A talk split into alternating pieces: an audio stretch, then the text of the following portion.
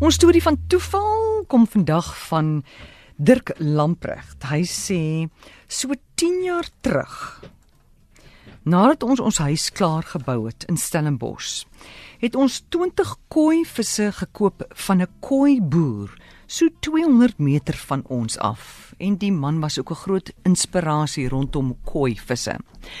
'n Jaar later reis ek en my vrou van Bali na Lombok dis 'n Indonesiese eiland daar naby, om 'n paar dae op die Gili's eilande te spandeer.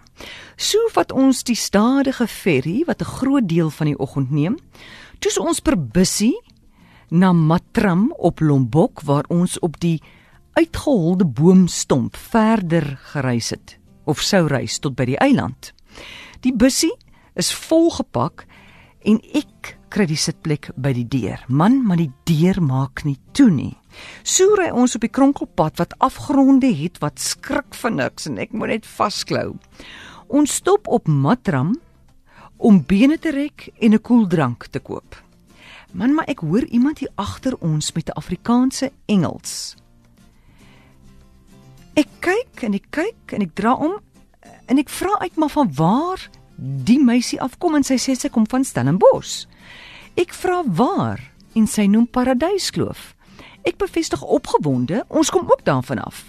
Dit kom toe uit dat haar pa met koi visse boer.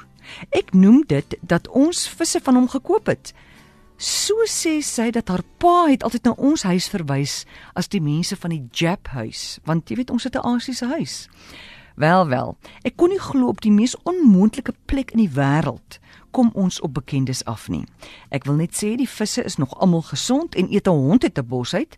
Hulle is nou nie trofeevisse nie, maar hulle is reusagtig en elkeen het sy eie geaardheid. Hooplik nog 'n verdere 10 jaar vir die visse en goeie herinnering aan die toevallige ontmoeting.